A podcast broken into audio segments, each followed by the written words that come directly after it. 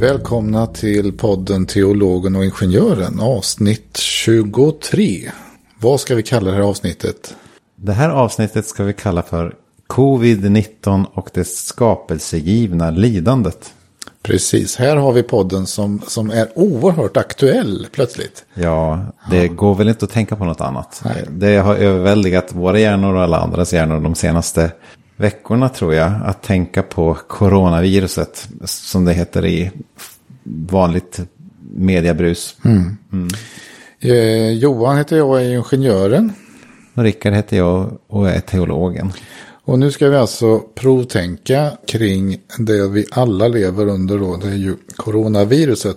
Och det råkar ju då faktiskt ha en ganska bra koppling till, till förra avsnittet som handlade om risk. Då pratar vi ju om eh, olika aspekter kring vårt risktänkande som människor. Och eh, vi var väl kanske inne lite grann på det här med hälsa och sjukvård. Men det var ganska mycket kring klimatkrisen och, mm. och det här med olika risker med energislag och så. Men, men det här med eh, coronaviruset, det är ju också mycket risker det. Ja, så det kan väl vara bra att vi tänker på det lite grann innan vi börjar tänka på lidandets problem. Mm. Vi börjar tänka på riskproblemet. Eh, hur, eh, hur har coronaviruset påverkat din vardag de närmsta veckorna? Eh, inte så mycket på jobbet. Eh, det är så att eh, på mitt företag så, så ska man fortfarande gå till, till arbetet och till kontoret ifall man mår bra och är frisk. Så. Ah, grattis får jag väl säga då. Jag har blivit eh, ombedd att inte komma till jobbet alls eh, faktiskt. Eh, jag jobbar ju på en högskola, Enskilda mm. högskolan Stockholm, som dessutom råkar ligga i Stockholm, som är ett av de områden där det har spridits mest. Så att eh, vi har blivit ombedda, lägg om all er undervisning till nätundervisning. Jag förstår ju varför det är gjort, men det är det är väldigt tråkigt att sitta hemma, måste jag säga. Mm. Mm. Och, och, det är ju lite spännande. Jag, jag, har gjort en riskbedömning innan jag gick med på att träffa dig här ikväll. Ja, jag var... menar, du kommer ju liksom nu då, nyligen från Stockholm och, och är ju en sån här riskperson som, som är lärare på en skola. Det måste, du måste vara jättefarlig att umgås med. Oh ja, och jag har dessutom, innan jag träffade dig, har jag nuddat redskapen på ett gym. Oj! Jag har inte slutat gå och träna på träningsanläggningar så länge de håller öppet faktiskt. Nej. Ska vi gå över till det som ändå är dagens huvudpunkt och det är ju evolution och lidande.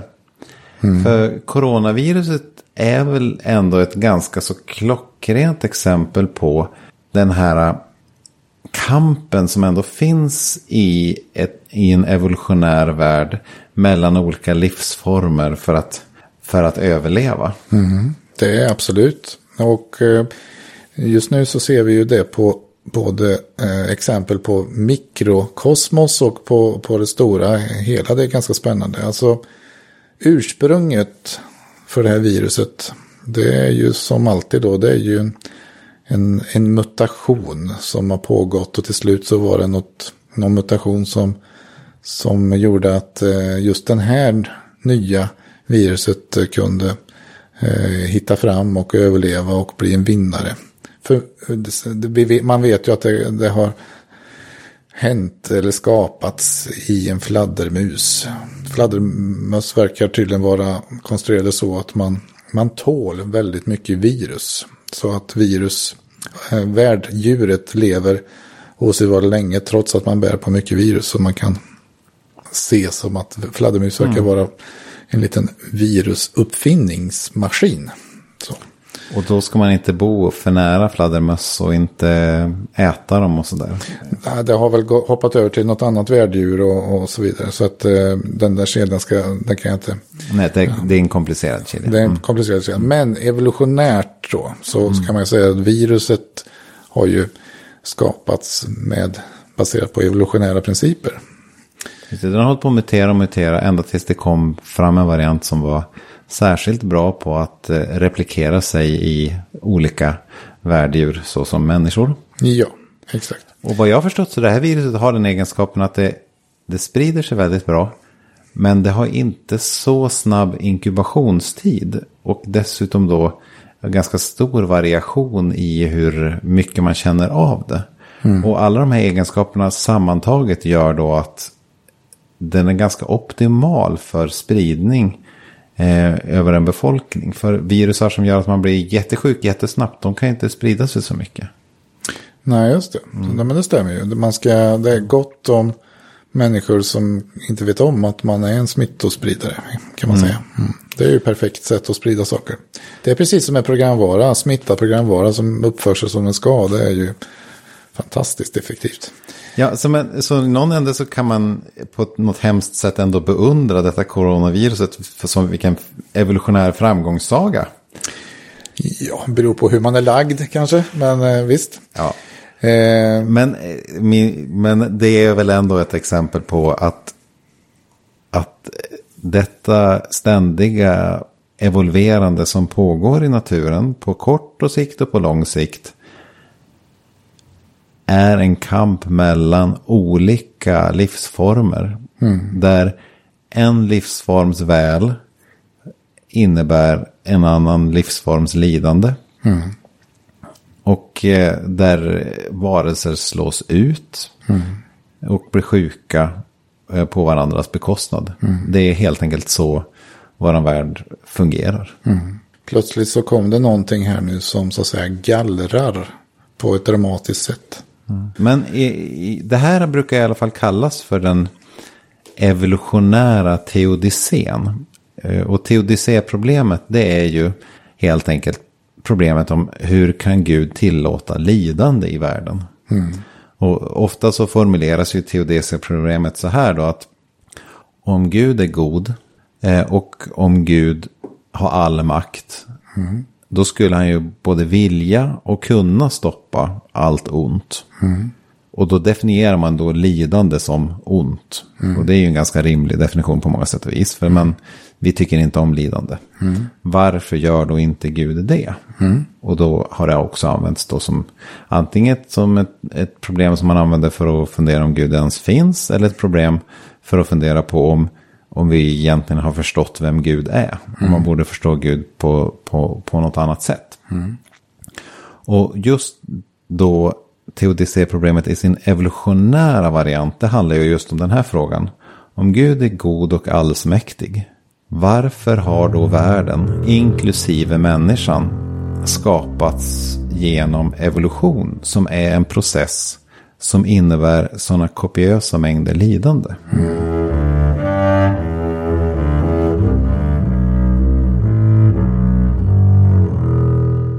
Jag hade tänkt att vi skulle läsa ett eh, bibelord det kan nog behövas nu, känner jag. Ja. ja. Så vi kommer igång. Jag känner att vi, vi är uppladdade här för något riktigt djupt här. Det här. Jag får se om jag liksom håller näsan över vattenytan här. Det är ja. spännande. Ja. I jobbsboken så är det ju så att vi får en ramberättelse där jobb är, är en riktigt from och rättfärdig man. Och av skäl som vi aldrig riktigt förstår så låter Gud sig provoceras av åklagaren. Hassatan, alltså som senare i historien blir Satan, mm. till att eh, se om eh, Jobb fortsätter att vara en rättrådig person även om man tar ifrån honom allting. Så han mm. drabbas av ett oförklarligt lidande. Mm. Och sen så, så kommer Jobbs vänner och så sitter de i, ja hur många kapitel det nu är, i alla fall fram till kapitel 37. Och eh, tjafsar om varför Jobb har råkat ut för detta lidande. Mm. Och eh, Jobbs svar är ju, det är för att Gud är en skurk, han gör inte sitt jobb. Han anklagar i princip Gud för att inte vara en god och rättvis Gud mm. som räddar honom. Mm. Eftersom han är ju god, så Gud borde ju belöna honom med godhet. Och hans vänner säger, nej men du måste ha gjort någonting ont eftersom du har fått Guds straff. Ja, så bråkar de om det jättelänge. Och sen så kommer Gud in i bilden. Och så börjar Gud att räkna upp en massa djur som han har gjort i skapelsen. Han menar att han har dragit världens gränser och satt dess grund och eh, ja, beskriver hur Gud har skapat världen utifrån den här gamla antika världsbilden. Och så börjar han räkna upp alla djur som han har gjort. Och när han kom, har räknat upp ett antal, stort antal djur.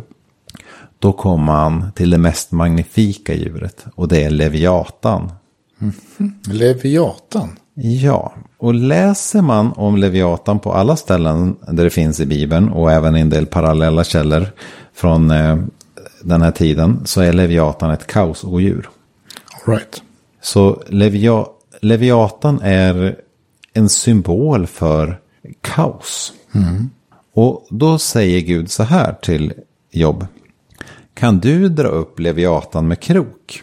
Kan du lägga betsel i hans mun? Trär du en vidja genom hans nos? Sticker du en hake genom hans käft? Tigger han dig om nåd? Vädjar han dig med mjuka ord? Ingår han avtal med dig? Tar du honom som slav för alltid? Leker du med honom som med en fågel? Får dina flickor ha honom i band? Köpslår handlar med honom, delas han upp mellan kromare. Kan du sätta en svärm av pilar i hans huvud och en harpun i hans huvud? Anfall du honom, den kampen glömmer du aldrig eh, och du gör inte om det. Det fortsätter så här ett tag eh, om Leviatan. Och så avslutas då när han har berättat eh, om Leviatan att han säger så här att ingen på jorden råder över honom. Han är skapt utan fruktan. De övermodiga bävar för, för honom. Alla stolta rovdjurs konung. Så det Gud säger så är ju Leviatan är en del av den skapelse som Gud har gjort. Som är, och Leviatan står för lidandet eh, utsmetat på diverse varelser. Typ rovdjur. Ja, i alla fall för kaoset. Kaoset, Ja, mm. som, som ju indirekt leder till, till lidande. Och han är ju farlig, orsakar lidande. Mm. Eh, kaos i betydelsen slumpmässigt. Ja, oordnat kan man säga. Det, som, det, det som inte liksom leder till ett lugnt och gott liv utan som leder till ett liv i död och lidande kan man säga. Mm. Och det intressanta här är ju att Gud säger ju inte jag dödar Leviatan. Nej. Utan Gud säger jag leker med Leviatan. Jag håller honom i schack. Mm. Så, så Leviatan är som Guds lekkamrat i det här talet. Mm.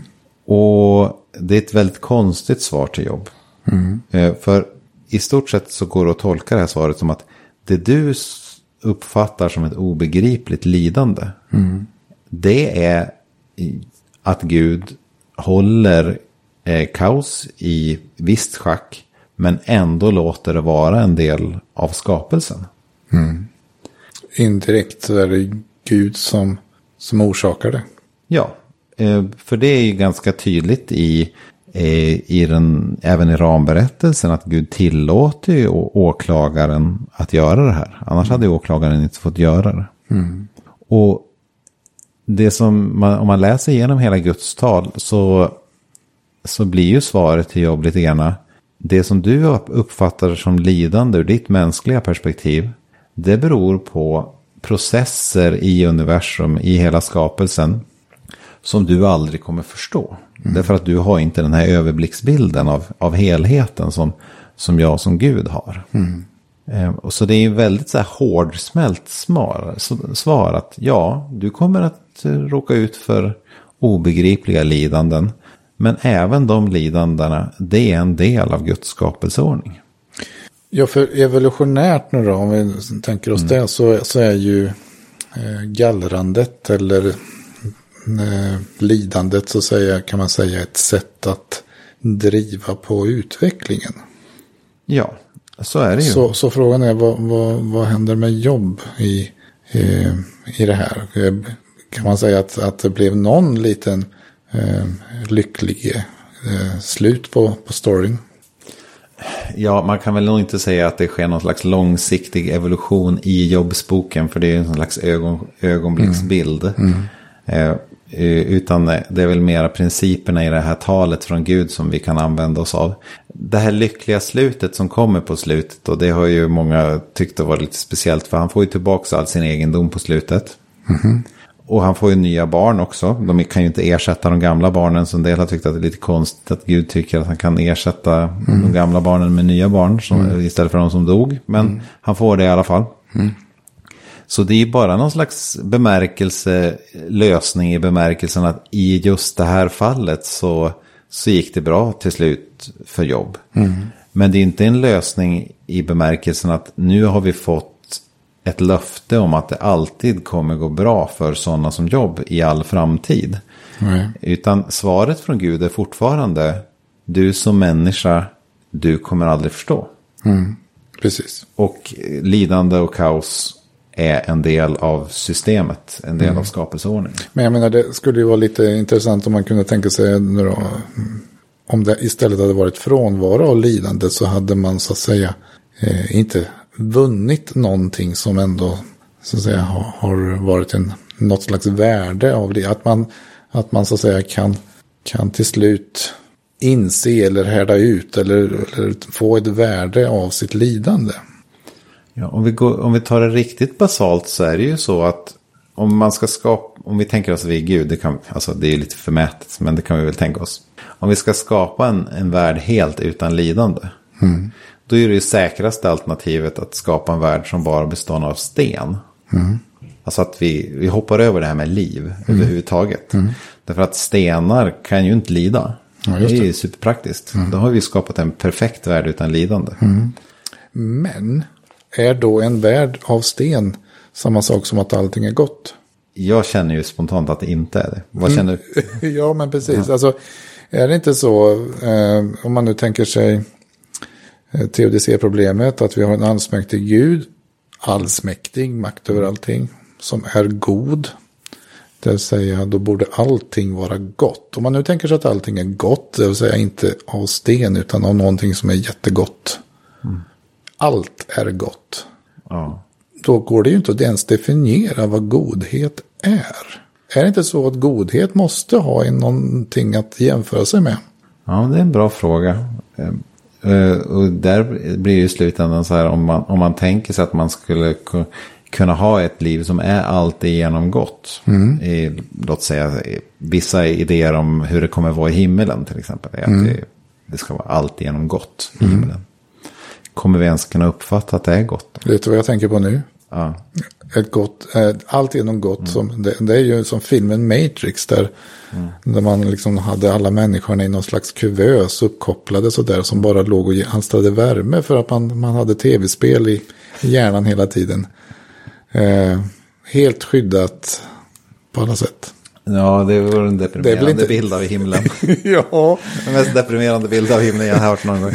Att Gud skulle bara plugga in, inte bara kroppar då, men utan bara medvetanden i någon slags matrix där det bara är någon slags lagom varmt mysljus. Kanske någon, det blev ju ett lidande först när man betraktar den här Matrix-vyn. alla- Men, men så länge man inte ser det så är det ju, upplever man allting gott. Det finns en slags eh, brist på information i, ja i just det det. här.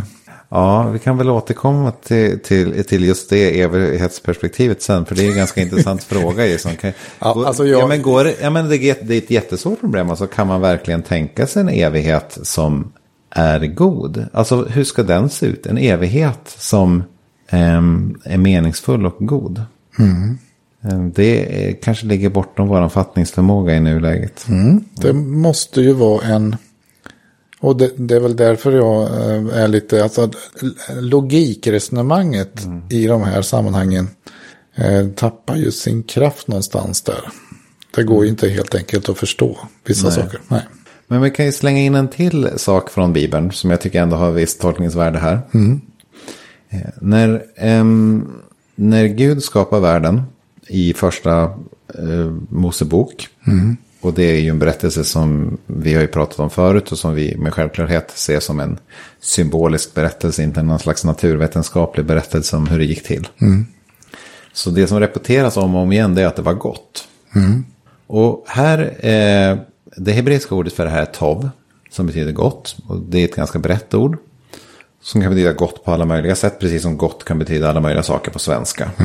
Eh, och då kan vi ju då se hur, hur valde de att översätta detta hebreiska ord i den tidigaste översättningen av Bibeln.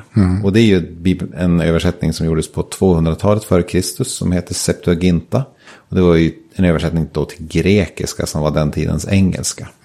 Det var ju nämligen så att det var ganska många judar som bodde utanför eh, Juda och Galileen som, eh, som hade slutat prata arameiska och övergått till att prata grekiska. Okej.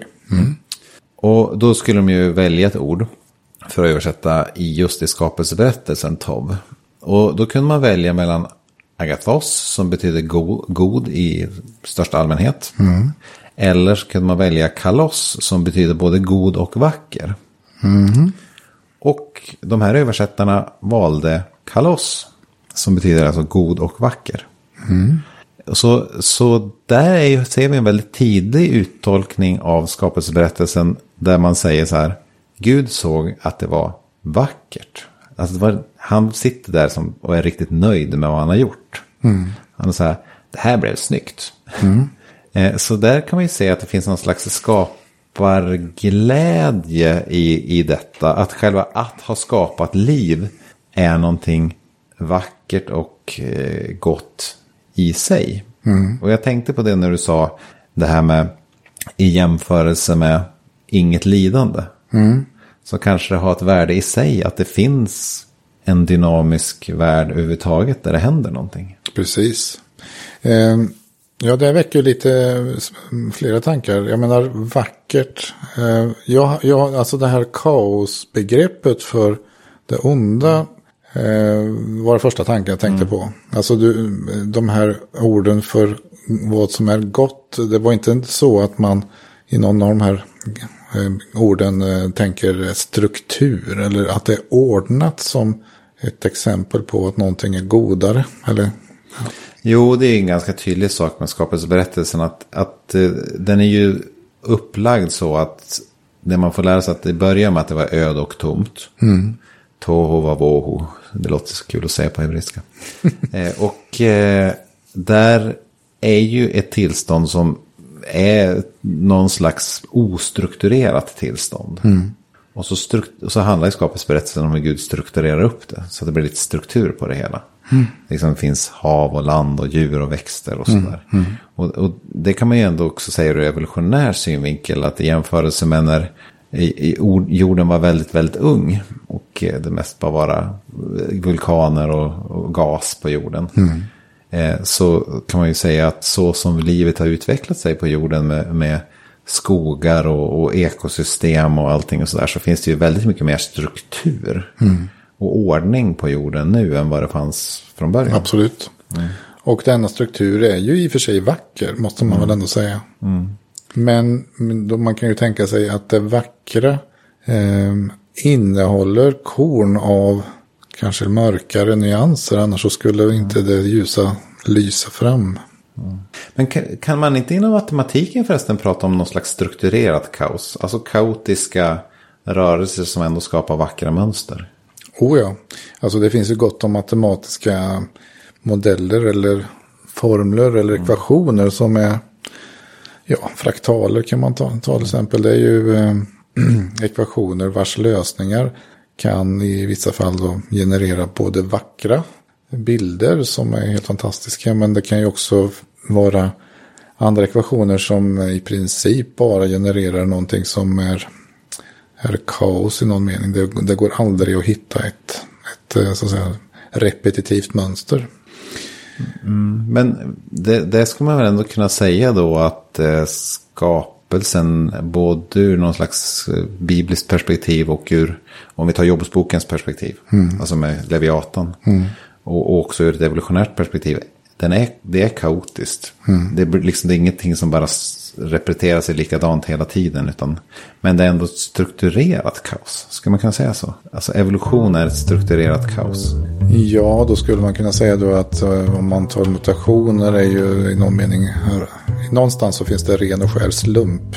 Men denna slump eh, råkar befinna sig i en kontext som innebär en struktur och till slut så blir det en regelverk som, gör, som löser huruvida det här, vad det får för effekter kan man säga.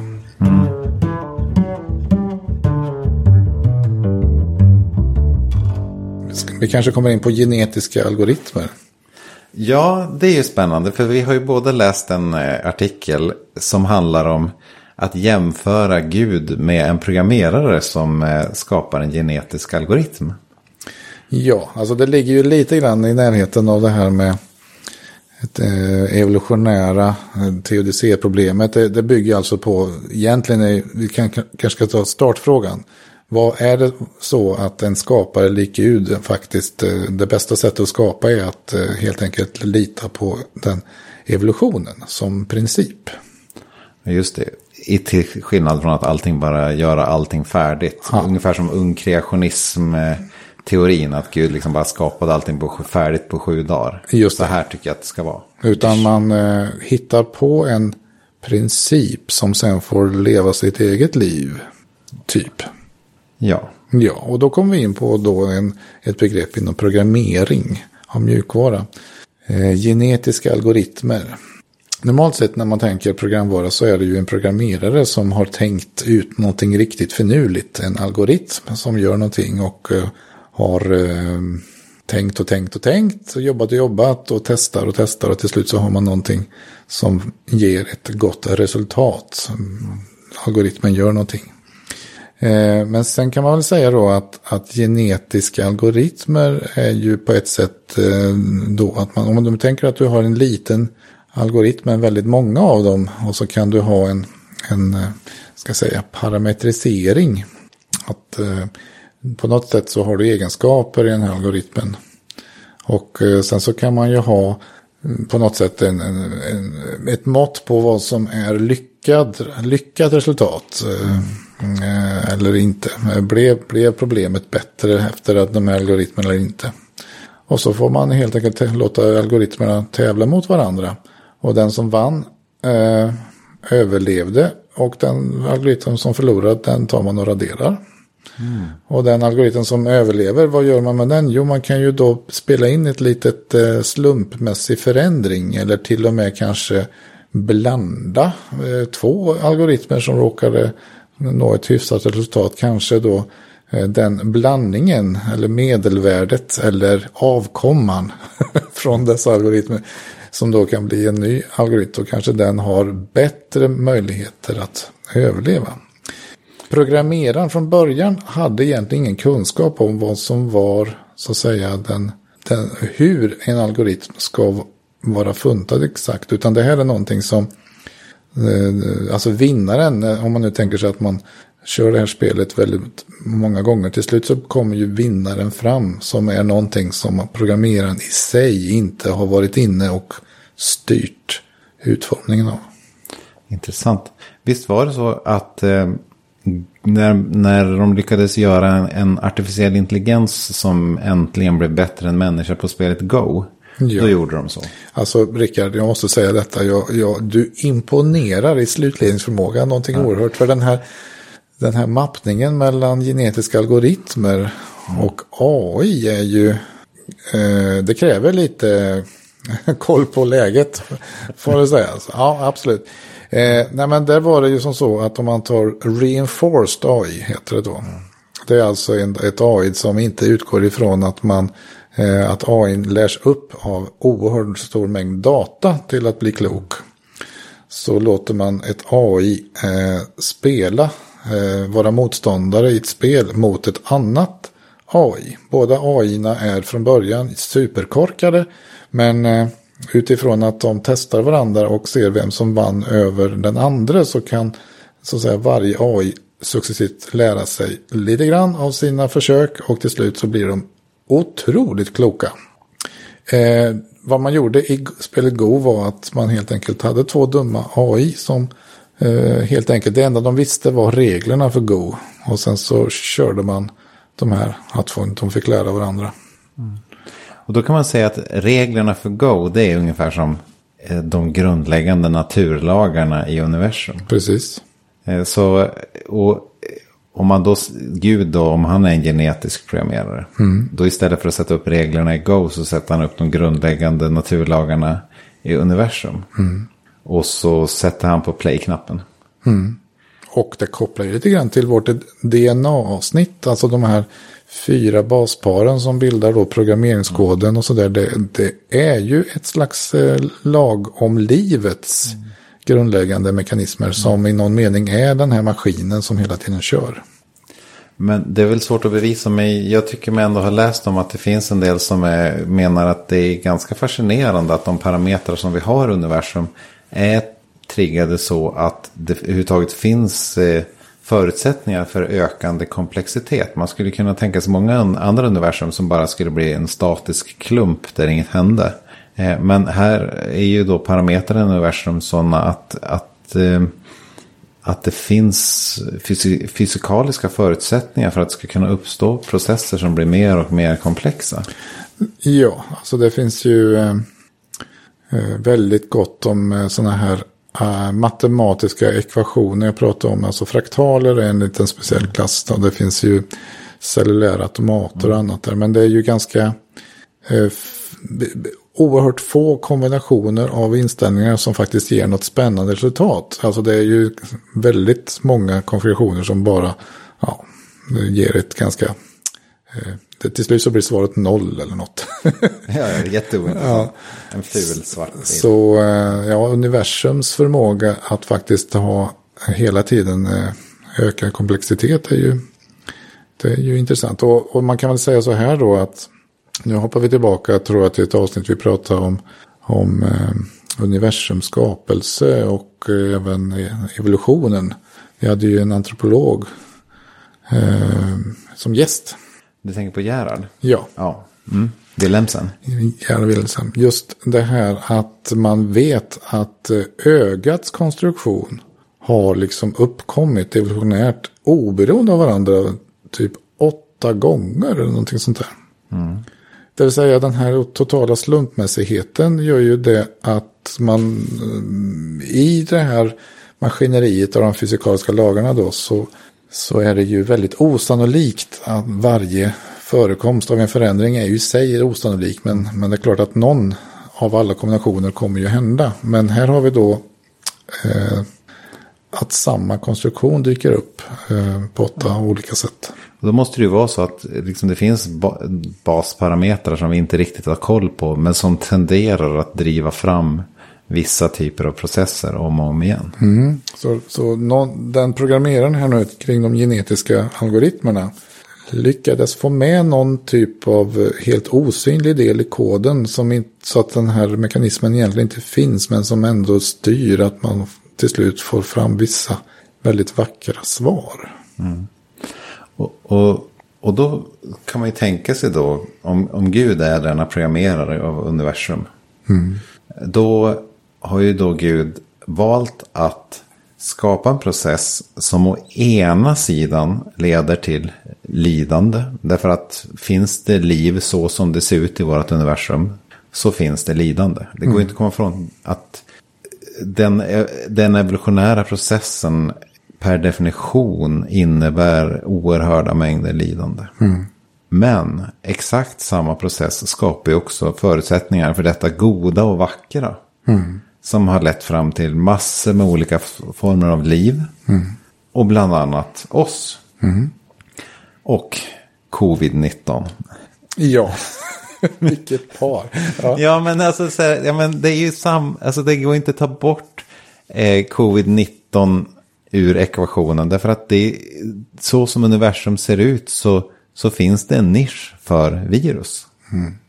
Och det är samma regler som har skapat en nisch för virus som har skapat förutsättningarna för att vi människor som kan förstå abstrakt tänkande, vi kan tänka på filosofi, vi kan tänka på konst, vi kan tänka på skillnaden mellan ont och gott. Mm. Och vi kan till och med uppfatta att Gud är, finns på något sätt i den här tillvaron. Mm. Um, allt det här är en del av samma universum. Mm.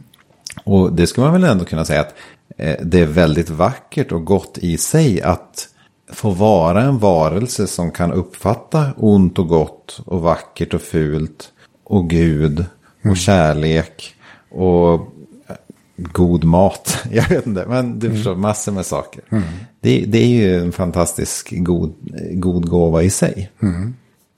Och eh, det, det, är klart att eh, den genetiska algoritmen som blir raderad, eh, om mm. det står för lidandet och så, mm. den har ju haft en poäng. Alltså utan dess existens så hade ju inte valet kunnat ske. Mm. Eh, det vill säga existensen av alla varelser har ju haft en poäng. Mm. Om man nu kan man tänka så att man i någon mening omdefinierar värdet av livet. Är kanske inte att undvika döden utan att säga att ja, värdet av livet är att jag faktiskt har existerat. Mm. Det, det tror jag nog kan tänka mig. Det man väl får akta sig för, jag håller med dig där. Eh, det jag känner på något man får akta sig för det är att säga att alla andra livsformer som har funnits i historien, de finns bara till för att vi människor skulle kunna komma fram. Mm. Alltså att man instrumentaliserar allt annat liv. Mm. För det tänker jag mig ganska dålig etik att liksom se på resten av allt liv i universum som bara ett medel för oss människor. Eh, och ganska obibliskt också. Mm. Eh, men, och det andra är väl också att säga att, att säga att varje individs lidande är det, det liksom, ditt lidande är eh, helt okej. Okay, därför att det leder till att det blir bättre för mig. Mm. Eh, men, men det är väl mm. just det som är grejen här. Att, att etiken eh, mm. mår inte så bra i det här ganska mm. så evolutionära tänket. Utveckla. Mm. Ja men alltså det, på etikavsnittet vi hade så lärde du mig ett ord som jag knappt kan uttala. Men utilitaristisk, är det rätt? Ja just det. Mm. Ja. Hur, hur var det nu då? Ja, att man ska göra det som optimerar lyckan för så många som möjligt. Mm. Alltså den summan av all lycka i världen ska bli så bra som möjligt genom hur du väljer att agera. Vilket då skulle eh, så att säga, innebära att det är värt att offra några få. Mm. Här kan man säga att det... Ja, man ska kunna offra några för, för att det ska bli bättre för andra. Ja, precis. Ja, just det. Eh, ett sånt klassiskt är väl att man, om man, om man skjuter en terrorist så, så räddar man hundra oskyldiga små skolbarn. Ja, just det. Mm. Mm. Så, så finns det en utilitaristisk tanke i, i det här sammanhanget med eh, evolutionen. Ja, det är väl den vi värjer oss mot. Mm. Eh, för det, och jag tror grundfelet här är faktiskt så här. Evolutionen gör inte så mycket val. Nej. Det är bara en mekanik. Alltså det, till skillnad från alltså utilitarismen som handlar om att göra medvetna val. Mm. Så gör ju evolutionen inga medvetna val. Precis. Inom kulturell evolution, alltså att kulturen utvecklas till skillnad från biologisk evolution. Där kan vi ju börja prata om att människor och befolkningar kan göra medvetna val. Och mm. där kan, kan man ju börja blanda in utilitarism. Att man ska säga att vi ska försöka forma en kultur som är så bra som möjligt för så många som möjligt. Men biologiska processer väljer inte. De bara reproducerar sig. Mm. Eh, men man kan tänka sig att, eh, att programmeraren har ett utilitaristiskt perspektiv. Just att Gud är utilitarist. Ja. Ja. Och det är ju en ganska provocerande tanke. Verkligen. Jag kom på den provocerande tanken just nu faktiskt. Ja. ja. Men, och lite är det väl det som, eh, som Jobs bok säger. Mm. Alltså, inte så att Gud uttrycker sig i utilitaristiska termer, men han säger ju så här, jag ser till helheten. Mm. Du ser bara till detaljerna för dig. Mm. Eh, ur, ur, det kosmiska perspektivet, som är Guds perspektiv, så är helheten någonting gott. Mm. Och denna helhet innebär också att liv är lidande. Mm. Ja, jag vet inte om det passar in exakt i utilitarism. Men, men det är ju ändå någon typ av helheten mot individen-tänkande där. Mm. I, i, I det här gudomliga perspektivet som finns i, i Jobs bok. Mm. Eh, men frågan är ju då, måste Gud ha gjort det på det här sättet? Alltså det vi leker med nu då, det är att Gud är som en programmerare som gör en genetisk algoritm. Istället för att programmera ett färdigt program som är klart. Mm. Och då är ju frågan, men kunde inte Gud bara ha gjort ett färdigt program? Mm. Alltså att en, gjort en värld där allting bara är bra och härligt hela tiden. Mm. Och in, som inte, där det inte behövs alla dessa årmiljoner av lidande för att världen ska bli så vacker som den faktiskt är. Mm. Ja, alltså det är en färdig algoritm eller en färdig lösning. Alltså det är skillnad mot eh, vanliga program och genetiska program är ju att vanliga program är ju då ja, förutsägbara, kanske man kan säga. Mm. Genetiska algoritmexperiment landar ju i någonting som kan vara lite överraskning. Det, går kanske, det, det är mm. inte lika lätt att förutse saker och ting. Och då kan man ju tänka sig att det kan ju kännas ganska tråkigt med det här förutsägbara. Eh, blir det inte som så att en sån skapelse skulle innebära att allting är just en deterministisk algoritm eh, som en maskin? Ja, och där kommer vi då in då på, på frivilliga helt enkelt. Precis. Och som teodicéproblemet har eh, behandlats traditionellt så har det ju varit så här att man har brukat säga så här. Jo, men det går att säga, tänka sig att Gud tycker att människans fria vilja är så pass viktig så att eh, Gud låter oss få välja det vi vill göra, även när vi gör det onda. Mm. Och det skulle då kunna förklara den del av mänsklighetens lidande som beror på mänskliga val. Att mm. Gud inte griper in där. Mm. Därför att det är så högt gott i sig att människan har rätt att välja. Mm. Men så brukar man då säga att ja, fast det kan ju inte förklara det lidande som kommer av eh, covid-viruset eller jordbävningar eller andra sjukdomar. Alltså sånt eh, mm. lidande som inte är en del av någons val. Mm. Med det här genetiska algoritmtänkandet, det som händer då, det är att man säger, men redan i skapandet av universums parametrar mm. så behöver Gud skapa ett universum där det överhuvudtaget går att finnas varelser som kan göra ett val. Mm. Och hur gör man ett, ett universum som innehåller, där det överhuvudtaget finns någon typ av valmöjlighet? Jo, man programmerar i alla fall inte någonting som är helt determinerat från början till slut. Nej. Och, och då skulle det kunna vara ett ganska så starkt argument för att även om vi aldrig kommer kunna avgöra om det här är det bästa sätt som Gud kunde ha skapat världen på, så skulle man ändå kunna säga då att det tycks som att det är i alla fall en möjlighet att det är bättre att Gud skapar en värld genom evolution. Därför att det är en sån värld där det faktiskt kan uppstå varelser som har ett val. Mm. Än att Gud skapar en top-down programmering, alltså att Gud skapar bara ett färdigt program. Mm. Eh, för i en sån värld eh, finns det så begränsade möjligheter vad som kan hända och därmed inget fritt val. Och därmed så är det inte vackert. Och därmed så är det inte vackert. Det finns något vackert i det, i det odeterminerade.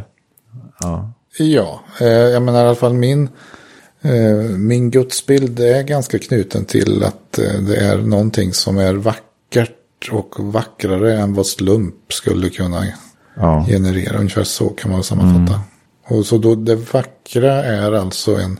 Eh, det vackra och fria viljan och diverse goda saker har en grund i någon slags... Att någonting är oförsägbart, någonting är evolutionärt i sitt väsen. Ja, ja men det, det håller jag med om. Eh, och utan att vi någonsin kommer kunna svara definitivt på den här frågan om, om Gud kunde ha gjort annorlunda. Mm så kan man väl ändå då säga att det går åtminstone att tänka sig att det finns goda skäl för att en god skapargud skulle kunna vilja skapa en värld som är just som våran värld, mm. inklusive dess lidande. Mm. Precis. Mm. Ska vi sätta punkt där? Ja, jag tycker punkten blev den här gången ganska vacker. Ja, ja, en vacker punkt. en vacker punkt. Ett eh, determinerat kaos ägnade vi oss åt. Nej, inte, ett, inte ett, vi ägnade oss åt ett strukturerat kaos. Ja, det gjorde vi. Och eh, min lilla eh, fundering ytterligare här är ju att eh, grunden till det avsnittet är ju då ett virus som översvämmar vår värld.